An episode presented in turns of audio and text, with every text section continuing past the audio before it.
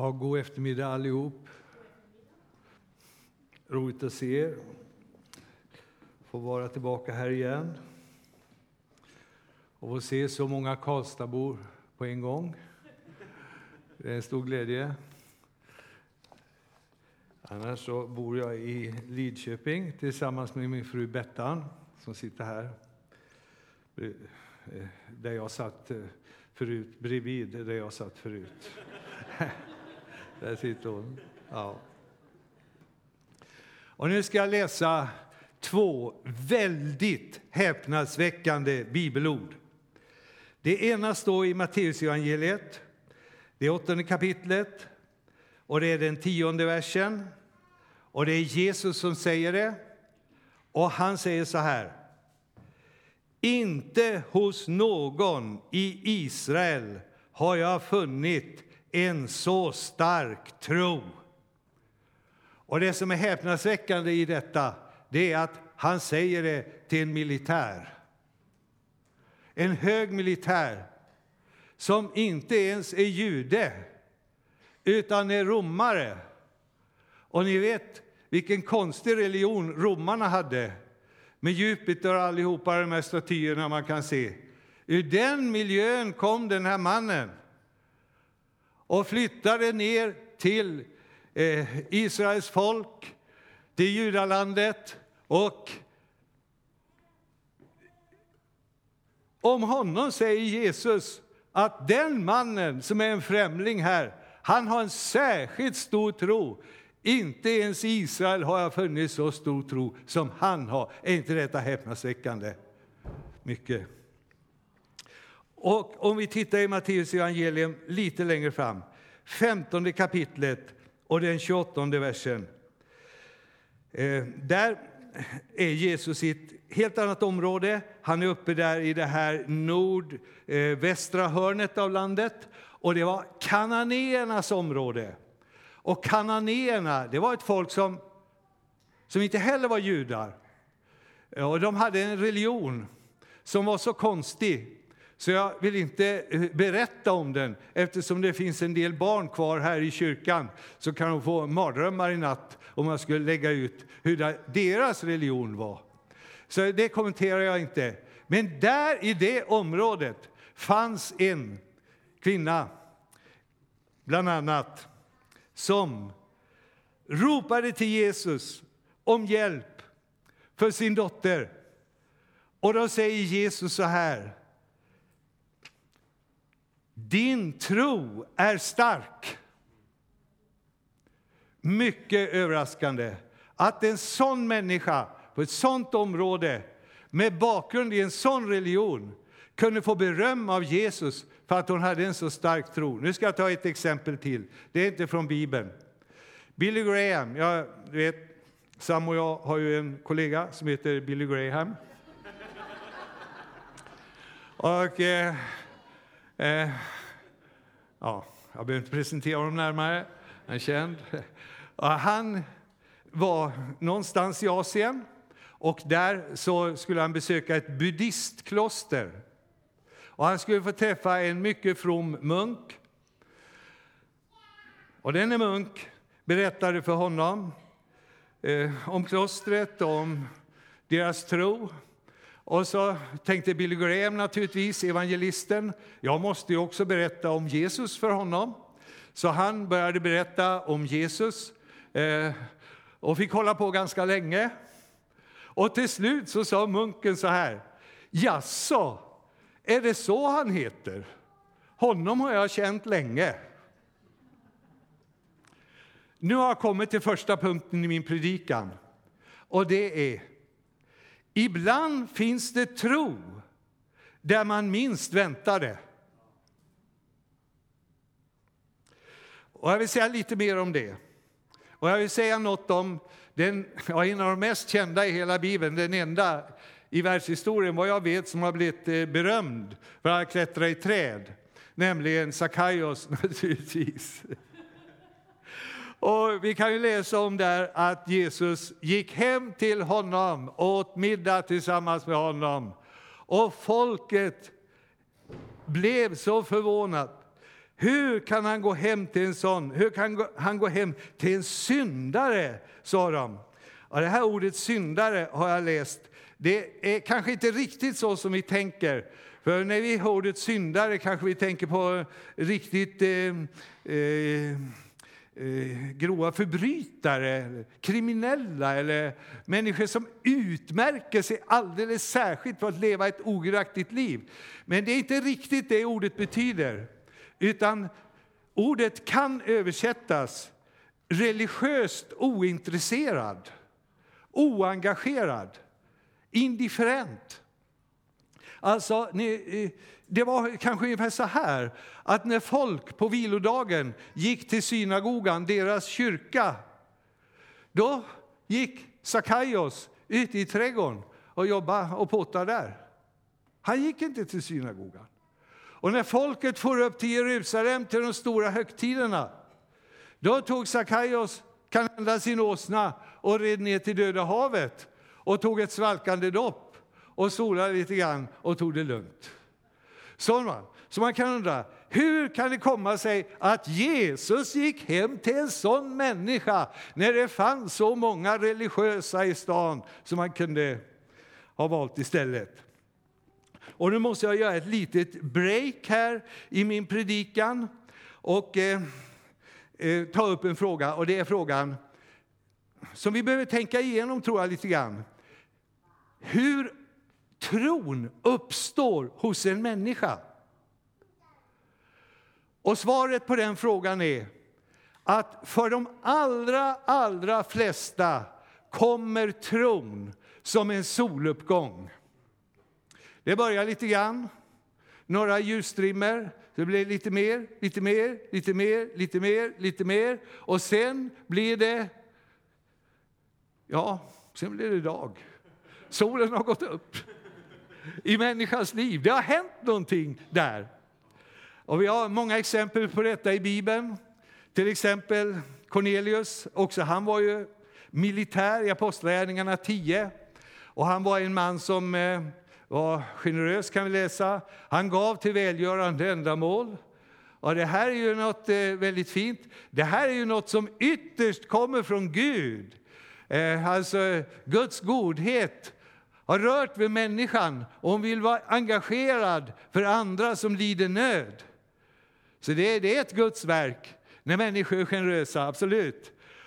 Och han hade också börjat att be. Och när man börjar att be till Gud så kan det hända saker och ting. Och det gjorde det i hans liv. Så han fick en uppenbarelse att han skulle skicka bud efter en viss person, vilket han gjorde. För denna person hade något viktigt att säga och det var Petrus. Och Petrus kom dit och berättade om Jesus. Då kom Jesus in i bilden. Ni märker här hur solen går upp. Nu kommer Jesus in i bilden. Han är ännu inte kristen, denne militär. Men nu får han höra någonting som blir viktigt. Han får höra om syndernas förlåtelse. Det kanske han aldrig hört talas om förut på det sättet. Nu får han höra detta och han förstår att det här är verkligen äkta och det här är någonting som kommer från Gud. Och han tar det till sitt hjärta och det gör de andra också. Öppna sitt sinne för att Gud kan förlåta synder. Ja, ni vet, ni vet det, här, det här är stora saker. För, för, för, synd och sund, det är samma ord. Nu går vi, tar vi svenskan här. Synd och sund är samma ord, det vet ni.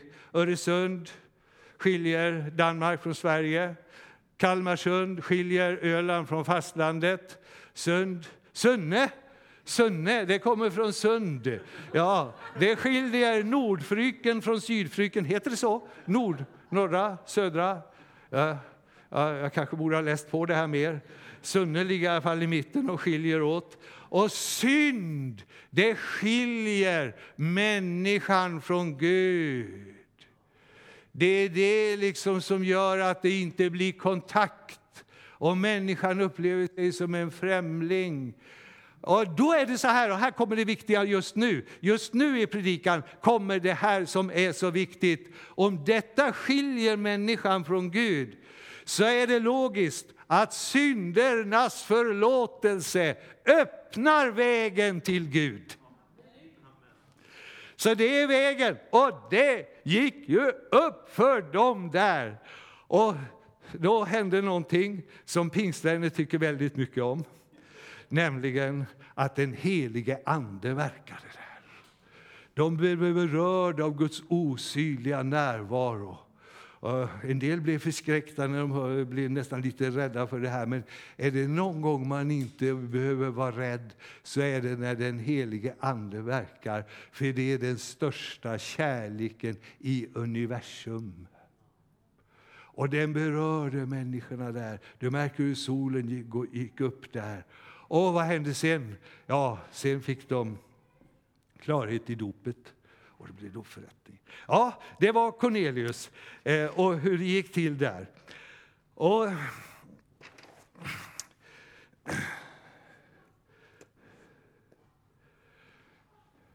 Då ska jag läsa ur Ordspråksboken. Här ska ni få höra. Det står i Ordspråksboken 4 och eh, 18. Det rättfärdiga stig är som gryningens ljus som växer tills dagen är full. Där har vi det. Och, ähm, man, kan, man kan faktiskt göra en skala av det här. Nu ska jag försöka göra en liten skala av det här.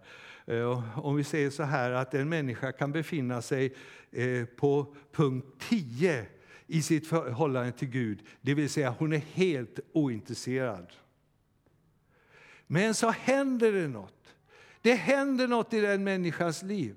Hon kanske får träffa en som är med i den här församlingen på jobbet och märker att det här är en fullkomligt normal människa. Och den människan är troende och är en hygglig människa och god människa. Och, och, och den här personen flyttas från 10 till 9. Och så händer det. Det blir lite kris och kanske den personen börjar be och flyttas från 9 till 8, kanske till 7. Men då får den människan möta en riktig knöl. Jag ska inte tala om vilken eh, församling han är med i, eller hon, kanske inte någon alls, som kallar sig kristen, men som är falsk. Och dubbelspelare och, eh, ger inget gott intryck och förflyttas från, vad var vi nu, från sju till nio. Det går tillbaka där. Men personen fortsätter att be, får göra en upplevelse och förflyttas ner till nummer sex. Kommer med en alfakurs och kommer ner till punkt nummer två. Och så händer detta i samband med alfakursen eller i samband med en gudstjänst som den här i eftermiddag. Att Gud rör vid den människan och hon känner nu är det time. Nu är det dags att öppna sitt hjärta. Nu vill jag tillhöra Jesus. Och det sker vid punkt ett. Ja, jag har gjort en skala av det här. Eh, Eh, och det här ligger faktiskt i linje med hur Jesus undervisade. Det har jag aldrig hört talas om att han la upp en sån skala, kanske någon tänker. Nej, det gjorde han inte riktigt, för att han, han eh, tog inte den, han tog inte det liksom från matematiken, utan från jordbruksarbete. Här ska du få höra. Det är som när en man har fått utsädet i jorden. Han sover och stiger upp, dagar och nätter går och säden gror. Först gror den, och så växer den. Han vet inte hur. Av sig själv bär jorden gröda. Först strå, så ax, så moget vete i axet. Här har ni det. Det är en utveckling. Och när grödan är mogen låter han skäran gå, för skördetiden är inne. Och nu vill jag besvara frågan. Varför gick Jesus hem till Sackaios och inte till någon av de andra? Jo, därför att han såg att det var något på gång i Sackaios liv. Av olika omständigheter hade han kanske kommit ner till sju på skalan. Och Jesus såg att det vore bra för honom att få ett besök nu. Och så hände det någonting där. Det här såg inte folket, men Jesus såg det. Och nu kommer jag till punkt nummer två i min predikan. Och det är att vi ser det Jesus såg i människors liv. Det han såg hos militären, att det var tro på gång. Det han såg hos kvinnan i kananéernas land. Eh, det han såg hos Sakaios. Att vi ser hos våra grannar att det pågår ett verk i deras liv, hos många av dem, som Gud gör. Att vi inte tänker så här, men de är så långt borta, så de har inget intresse för det här. Utan vi ser, hos de allra flesta pågår ett verk. Hos våra arbetskamrater. Att det faktiskt finns människor där som Gud håller på att arbeta med. Hos klasskompisar. Att det är så med våra barn.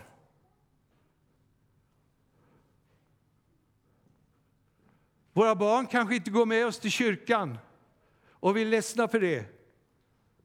Men du, det är inte säkert att de har vänt ryggen till Gud för det. Att vi ser det hos våra barnbarn.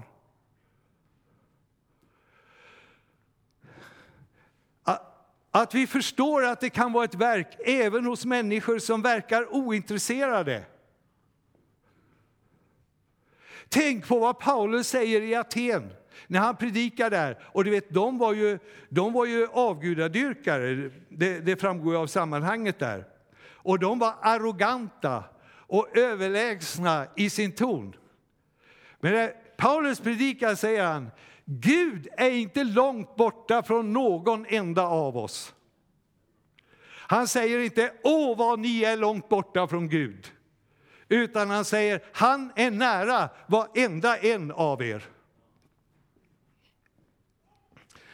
Eh, men är det inte många som har stängt vägen till Gud? Jo, oh, det är det kanske.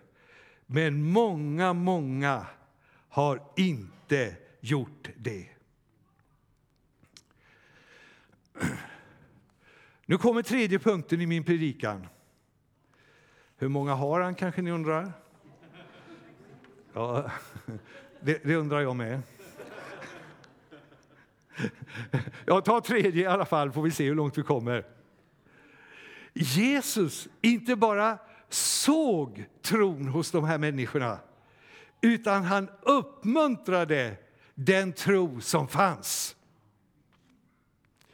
Det fanns säkert mycket att anmärka på i deras liv. Det fanns nog en hel del att säga om den här militären och kvinnan där uppe. Och Sakaios fanns det absolut en hel del att anmärka på. Men det var inte det Jesus tog upp, utan han tog upp det positiva, att det faktiskt fanns tro och han uppmuntrade detta. Ja, men säger någon, är det inte vår uppgift att tala om för människor att de är syndare? Nej, det är det inte. Det är den helige Andes uppgift. Det står att det är han som ska övertyga världen om synd och rättfärdighet och dom. Det kan vi överlåta med fullt förtroende till den helige Ande. Det får han sköta och det gör han så enastående bra. Vår uppgift det är att tala om för människor att det finns syndernas förlåtelse. Vår verksamhet i kyrkan ska vara sån att människor som kommer i beröring av den ska föras från tio till nio, om det är där de befinner sig. Befinner de sig vid sjuan så ska de föras från sjuan till sexan. Eller ännu bättre, sjuan till trean. Det är, det, det är den processen en kristen församling ska skapa i sin verksamhet. Och det är din och min kallelse personligen som kristna att föra människor efter den här skalan från 10 till 9. Är det det som händer genom dig? Jag hoppas det. Eller från 5 till 3. På ditt jobb, i din klass, bland dina grannar, i din släkt. Det är vår kallelse som kristna, att utöva det inflytandet. Det kan bli tvärtom. Jesus sa så här, eh, i Matteus 23 har vi detta, där Jesus säger Ve er skriftlärda och fariseer, ni hycklare som stänger till himmelriket för människorna. De var fromma, men det som hände var i många fall att de stängde dörren för andra i sin religiösa attityd, i sitt sätt i sitt överlägsna sätt. Religiöst överlägsna sätt så stängde de dörren för andra. Det är få saker som är så, uh, uh, um, ger en sån avsmak för ärliga sökare som religiöst överlägsna människor som tycker att de är något för mer. Särskilt om det kombineras med hyckleri och falskhet. Det var därför Jesus var så fruktansvärt irriterad på fariseerna. Folk tänkte när de såg en del av fariseerna, sån vill jag aldrig bli. Och vi behöver stanna upp inför det här. Och vi vill ställa frågan, hur kan man undvika att bli en sån farisé? Och jag tror att det har att göra med att vi behöver gå igenom Guds security. Lite nu och då. Och den fungerar ungefär som på Karlstad flygplats. Där är en security man får gå igenom innan man går på planet. Så det avslöjas om det finns någonting med som inte ska vara där. Och vi behöver gå igenom där och säga Herre, finns det någonting i mitt liv som inte ska vara med där? Så avslöja det för mig. Jag vill veta det. Och hjälp mig att komma till rätta med det. Förlåt mig och rena mig. Och vi har en sån security-bön i Bibeln, i salmen 139. Ransaka mig, Gud, och känn mig, pröva mig.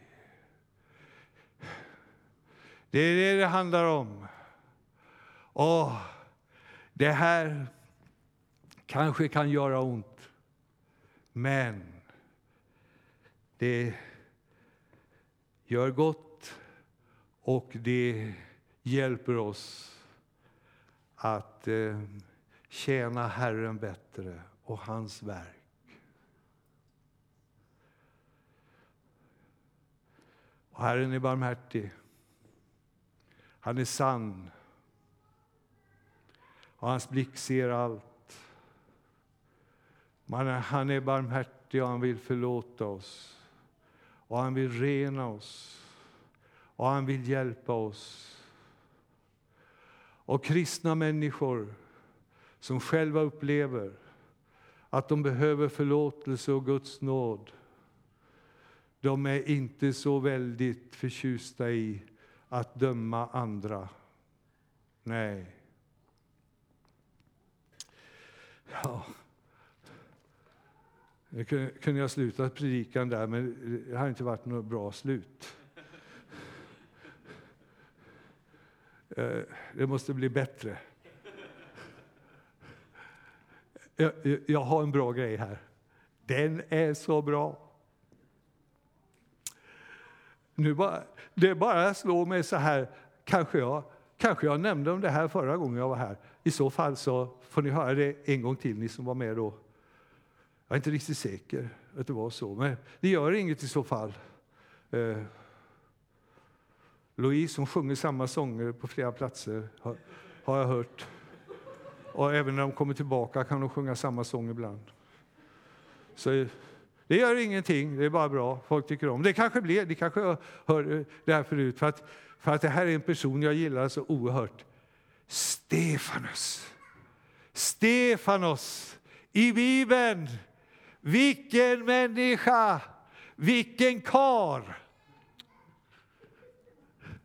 Det står så här att han, han var full av nåd. Nu, nu, nu, ska vi se här. Vi har ju det där... Eh, visst. Han var full av nåd och kraft. Nåd. Hur han är en människa som är full av nåd. Charis heter det på grekiska. Vårt ord charm kommer därifrån. Det säger mig att Sakaios var en charmig kille. Alltså, inte bara sådär i allmänhet charmig, utan en charm som hör ihop med att Gud verkar i hans liv. Alltså, han skapar genom sitt liv en slags attraktion. Människor drogs till honom och drogs till hans tro på grund av den han var. Han hade en sån utstrålning. Och gode Gud, hjälp mig, hjälp oss var och en att få ha lite grann av det. Han hade det.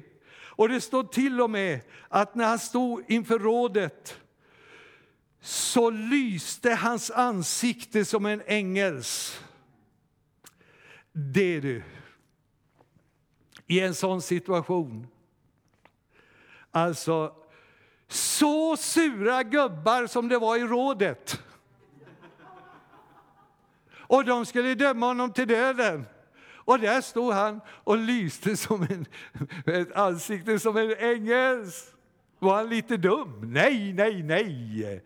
Han var oerhört begåvad, det förstår man av hans framställning här. Han lyste, han var en lysande människa. Och eh, vad var hemligheten till detta? Vad var hans hemlighet? Ja, det står han var, han var det står lite tidigare här. Eh, uh, han var en man fylld av tro och helig ande. Där har vi det. Det var inte han själv som lyste, hans begåvning, hans naturliga charm, utan den helige Ande verkade där. På ett sätt så det strålade i hans ansikte. Alltså, är inte detta oerhört? Och då ställer jag den här frågan. Hur fick Lukas reda på det? Han som skrev det här. Vem berättar för honom att inför rådet lyste Stefanos ansikte som en ängels ansikte? Vem berättade det för författaren Lukas? Paulus, kanske, säger hon. Ja, ja det är väl nästan den enda möjligheten. Paulus han var ju inte omvänd. Han satt ju med där i rådet. Och det var ju han som ledde avrättningen. Han stod och höll vakt över kläderna hade koll på läget. Det var han som hade drivit fram alltihop. Han stod där, han var med där. Han berättade för sin vän Lukas, för de blev minst sagt jättekompisar sedan när Paulus hade blivit frälst. Och de var missionärer tillsammans. Du, du ska veta en sak. När vi var där vet du, i rådet och vi skulle döma Stefanus, då lyste hans ansikte som en ängels ansikte.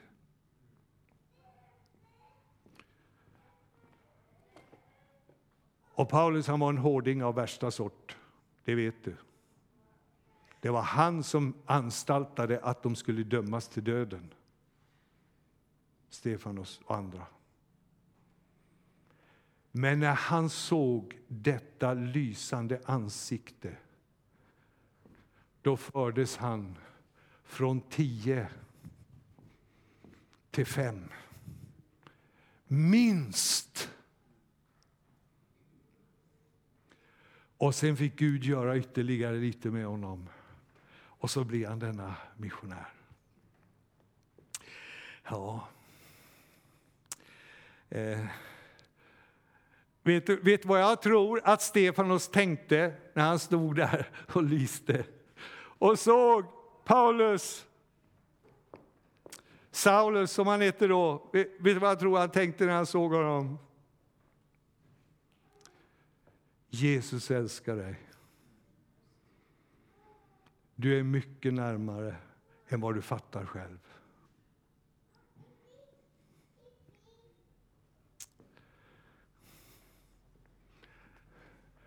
Jag läste om The Blind Boys of Alabama i Göteborgs-Posten. De är blinda, de här killarna. Spelar, alltså oerhörda musiker. Sjunger gospels och andra låtar. Det var konsert i Göteborg. Och i recensionen i eh, GP, Göteborgs-Posten, stod det så här. Det var bra. Mycket bra. Så bra som det bara kan bli när de som uppträder representerar något större än vad de själva är. Det är det, det det handlar om. Att du och jag på jobbet genom den helige Ande kan representera något större än vad vi själva är. Och ibland kan det stråla fram även i ansiktet. Inte därför att vi anstränger oss och tänker, nu gäller det att vara religiös här. Nu vill jag att det ska synas att jag är pingstvän. Sånt är jobbigt, sånt är jobbigt och folk genomskådar det. Men när anden får verka och det får vara naturligt, då ger det intryck även på en hårding som Paulus, det kan göra det.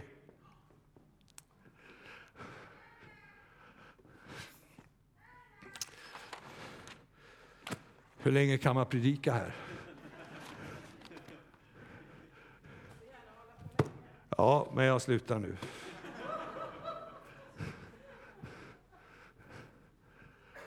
Ska vi stå upp? Åh Jesus, tack att du är här. Tack att du är här med din Ande. Jesus.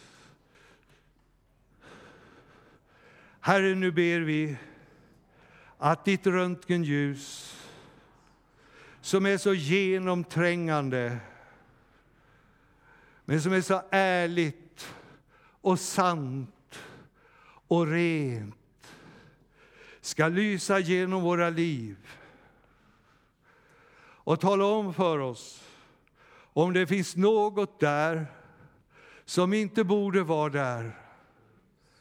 Något som drar vanära över ditt namn. Något som gör att människor som är ärliga sökare vänder sig bort. Herre, finns det något?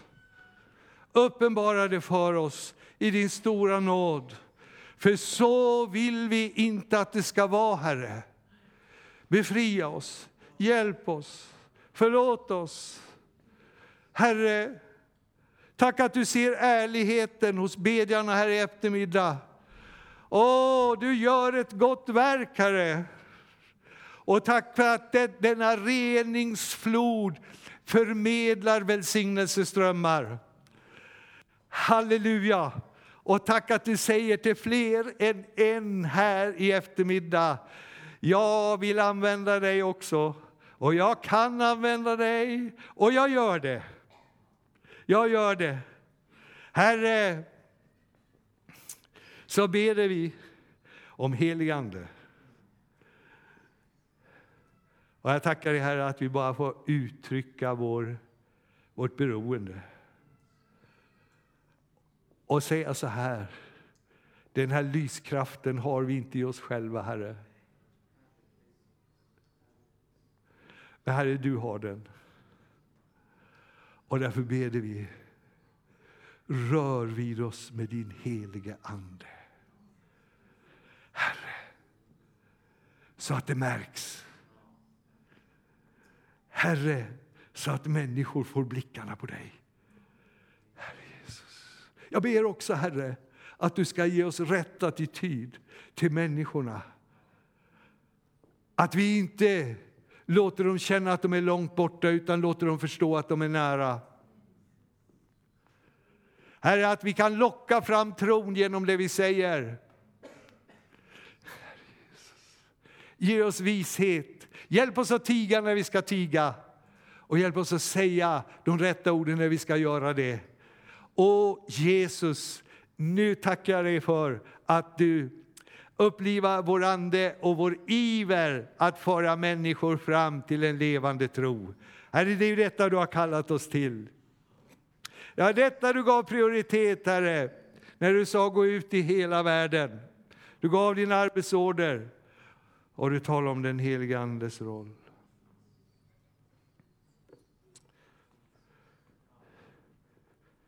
Jag vill säga ett ord till dig som har den här frågan. Vad har Gud för mening med mitt liv? Du har gått till mötet i eftermiddag med den frågan. Du har haft den, du har den. Det är en djup fråga. Och jag vill ge dig ett svar. Guds mening och vilja är att du ska lysa för honom.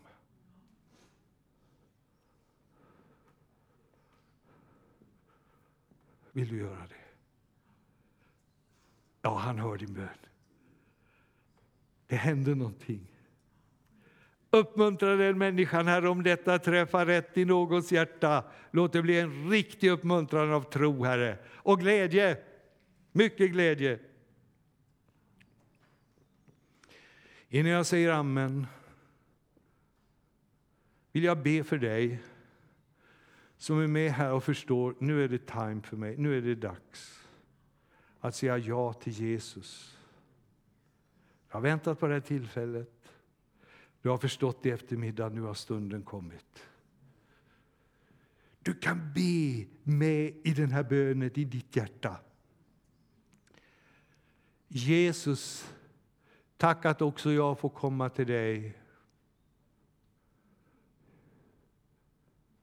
Tack att du tar emot mig. Jesus, jag vill tillhöra dig, gå dina vägar. Jag behöver din förlåtelse. Jesus, jag behöver din kraft. Jesus, fyll mig med all den tro jag behöver. Tack att du hör min bön. Jesus, jag vill gå med dig. Amen.